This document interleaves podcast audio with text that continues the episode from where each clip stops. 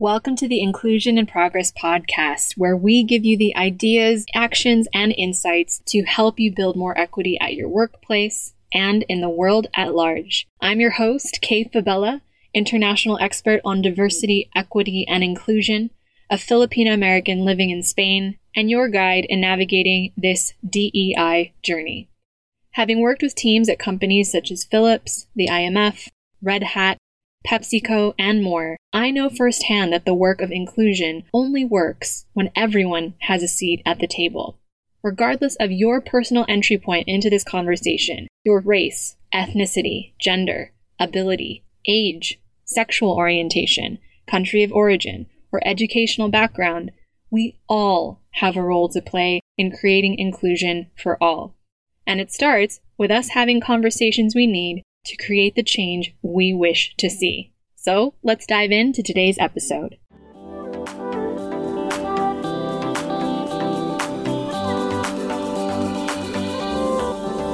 This episode of Inclusion in Progress, we're pleased to have with us the incredible Mita Mallick. Mita is a corporate changemaker with a track record of transforming businesses. You'll definitely have seen her around LinkedIn, if not one of her many prolific articles around DEI. She also gives innovative ideas a voice and serves customers and communities with purpose. She's currently the head of inclusion, equity, and impact at Carta, and formerly the head of inclusion and cross cultural marketing at Unilever. I know you're going to love this episode as we dive into something that's very real and very dear to our hearts as women and women in the workplace bringing women back to the workforce and the stress that caregivers are facing. And more importantly, how companies can be more intentional in making gender equity a reality for caregivers at work. So tune into this episode. There's a lot of great gems here, and we hope you enjoy. Hello, Mita. Welcome to the show. Thank you so much for having me. I'm really excited about our conversation today. Oh, genuinely, the pleasure and honor is all mine. I have been talking this episode up to our team and pretty much anyone. I'm like, we're going to have Mita on the show. She's amazing. She's going to be a total oh, rock star. That's so kind of you. That's very kind of you. But no, we're excited to dive in specifically into the conversation, which I know you're incredibly passionate about. And we'll be sure to link to the show notes all the different amazing articles you've written around this topic about working mothers and the bias in the workplace that they're facing. But I always like to start off all all of our conversations with guests around how did DEI work find you? Because I know it's a long journey.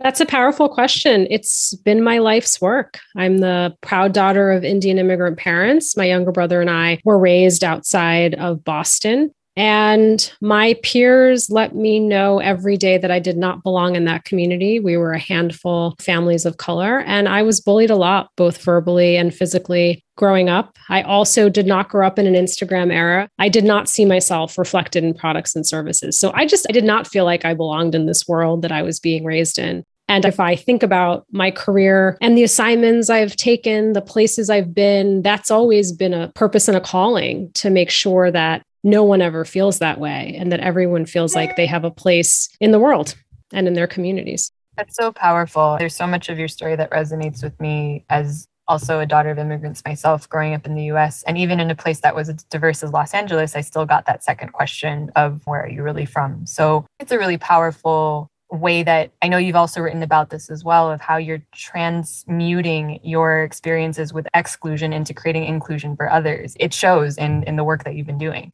Thank you. It's a journey every day, every day. I believe it for sure. Well, I know that you're doing amazing work at Carta, but I also think it's really important to, as somebody who's leading such important work for humans, but also raising humans. Yes. Maybe we'll ask this in a, as a two part question. How are you navigating leading DEI as somebody who occupies so many different intersections as a woman of color, as a working mother, and as a caregiver? But at the same time knowing that there are so many people especially at the time that we're having this conversation undergoing different challenges because of all the intersections that you're living how do you navigate that i guess? How are you taking care of yourself one? And then the second is how do you make space for the micro of what you're experiencing and the macro of what other working mothers are experiencing as a result of the pandemic I'll tell you, I've had my cup of coffee, so I feel better today. It's day three. My kids are both back in school. I have a eight-year-old uh, and a six-year-old, wow. and I am exhausted. I'm angry. I'm sad. I have an enormous amount of guilt that I'm focused on my career and I want to raise amazing human beings. And so, can I do that both? I have had friends who have shuttered incredibly successful businesses during this pandemic. I have had girlfriends who left the workforce. It was not a choice. They had no choice but to put their families first. And here I am, so lucky to have left an incredible job and now to be the head of diversity, equity, and inclusion at Carta. These are all things that I think there's a lot of guilt and a lot of different emotions. And I'm so angry.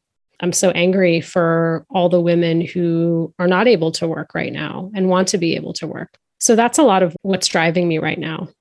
Yeah, you're feeling it on so many different levels, both on a day to day basis, but also, yeah, like you said, women in general we've always been talking about gender equity as an important part of the DEI conversation, but especially over the past year, year and a half, it feels like things have disappeared overnight sometimes. Absolutely. If we just ground ourselves in the stats, and we know with the rise of Delta, and it's still unknown, I would say, from a US global perspective, what the long term ramifications of that will be. But I will will share with you from just a US context the stats I know, which is that since the start of the pandemic, 5 million women have lost their jobs. 2 million women have disappeared from the workforce completely. And for every one working father who is out of work, there are three working mothers who are out of work. And to your point about how things seem like they have disappeared just overnight, we are back to 1980s gender workforce participation when it comes to women. So 1980s participation rates for women. And that is just startling as we sit here having a conversation in 2021. I, I, don't think my brain can actually process all of that.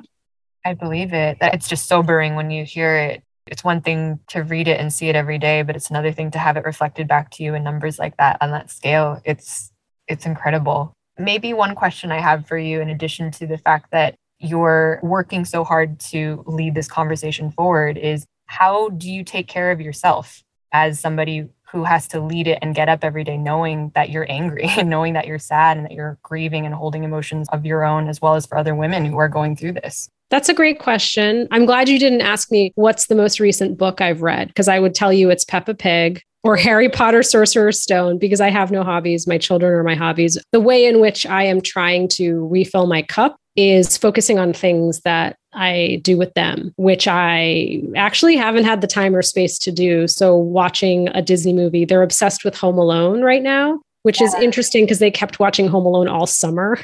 like, this is a holiday movie, but it's watching it through their eyes, watching movies, reading books through their eyes, coloring and drawing. I used to draw a lot growing up. And so, rediscovering that because in this pandemic with my partner and my two children, we have become each other's roommates, frenemies, best friends, playmates. We're together all the time. So we're rediscovering things together as well. And that's how I'm trying to focus on my self care. I love that. I know we're going to go into this topic because you've written such a great article that we're going to link to in the show notes about it, which is this idea of, oh, but you had to be super mom and we're so impressed. Yes. Anybody hears that and is like, wow, how are you doing that? I know you've got a very powerful answer to that question, and it specifically involves companies.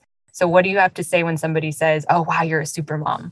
I want to rip off the crown and the cape and the title that society has put on me and jump off the pedestal and crawl into bed into a fetal position and sleep for two days uninterrupted. I am not a super mom. And I am just like many of us Representative Andy Kim had actually said this during the riots in January on Capitol Hill when there was a picture of him cleaning up after all of the devastation that had happened.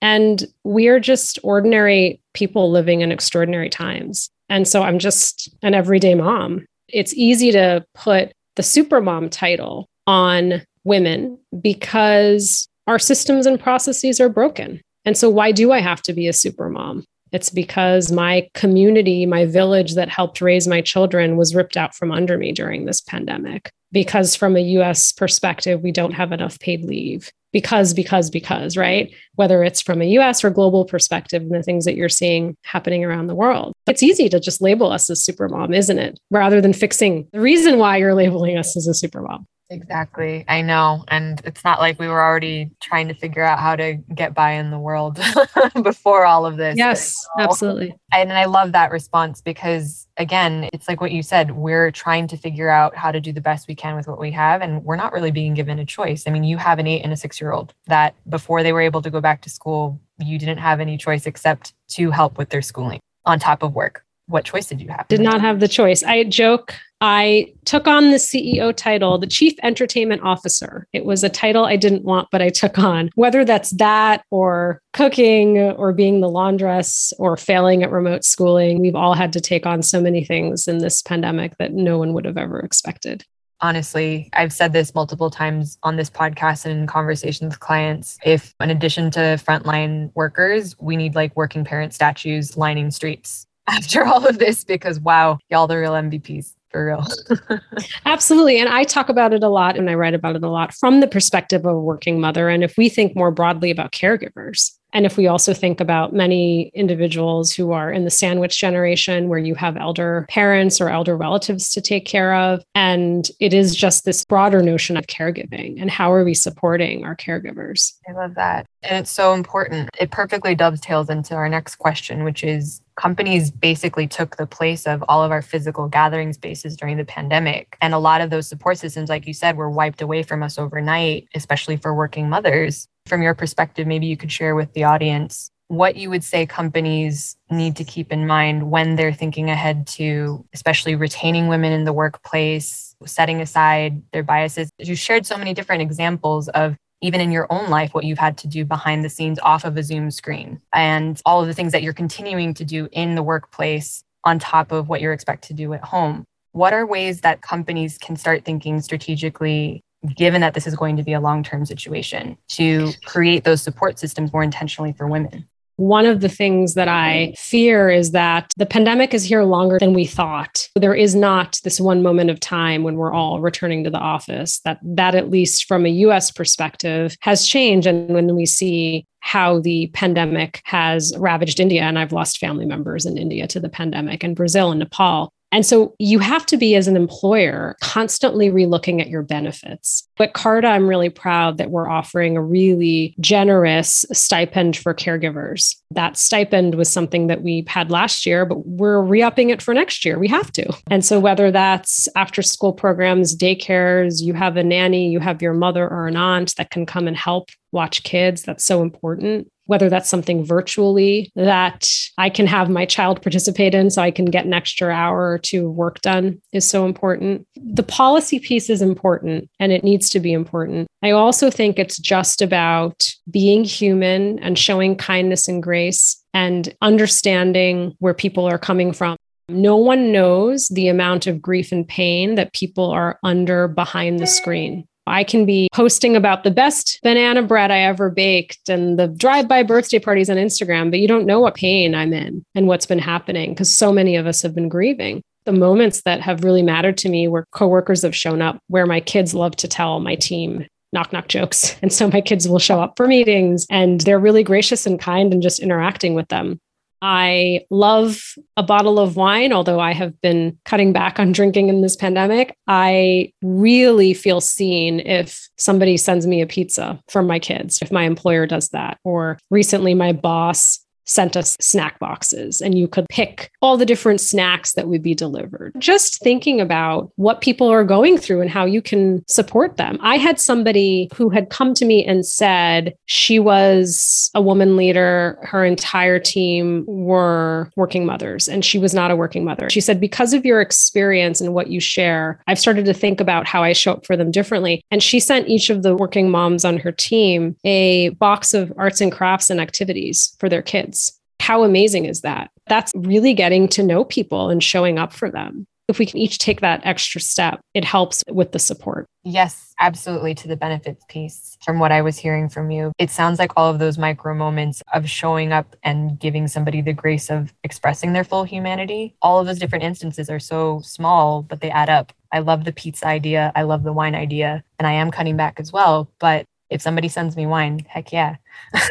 so, but if someone sends me pizza, I'm like, oh my God, you see me because I have two mouths to feed this evening. And I don't so, have time to think about dinner.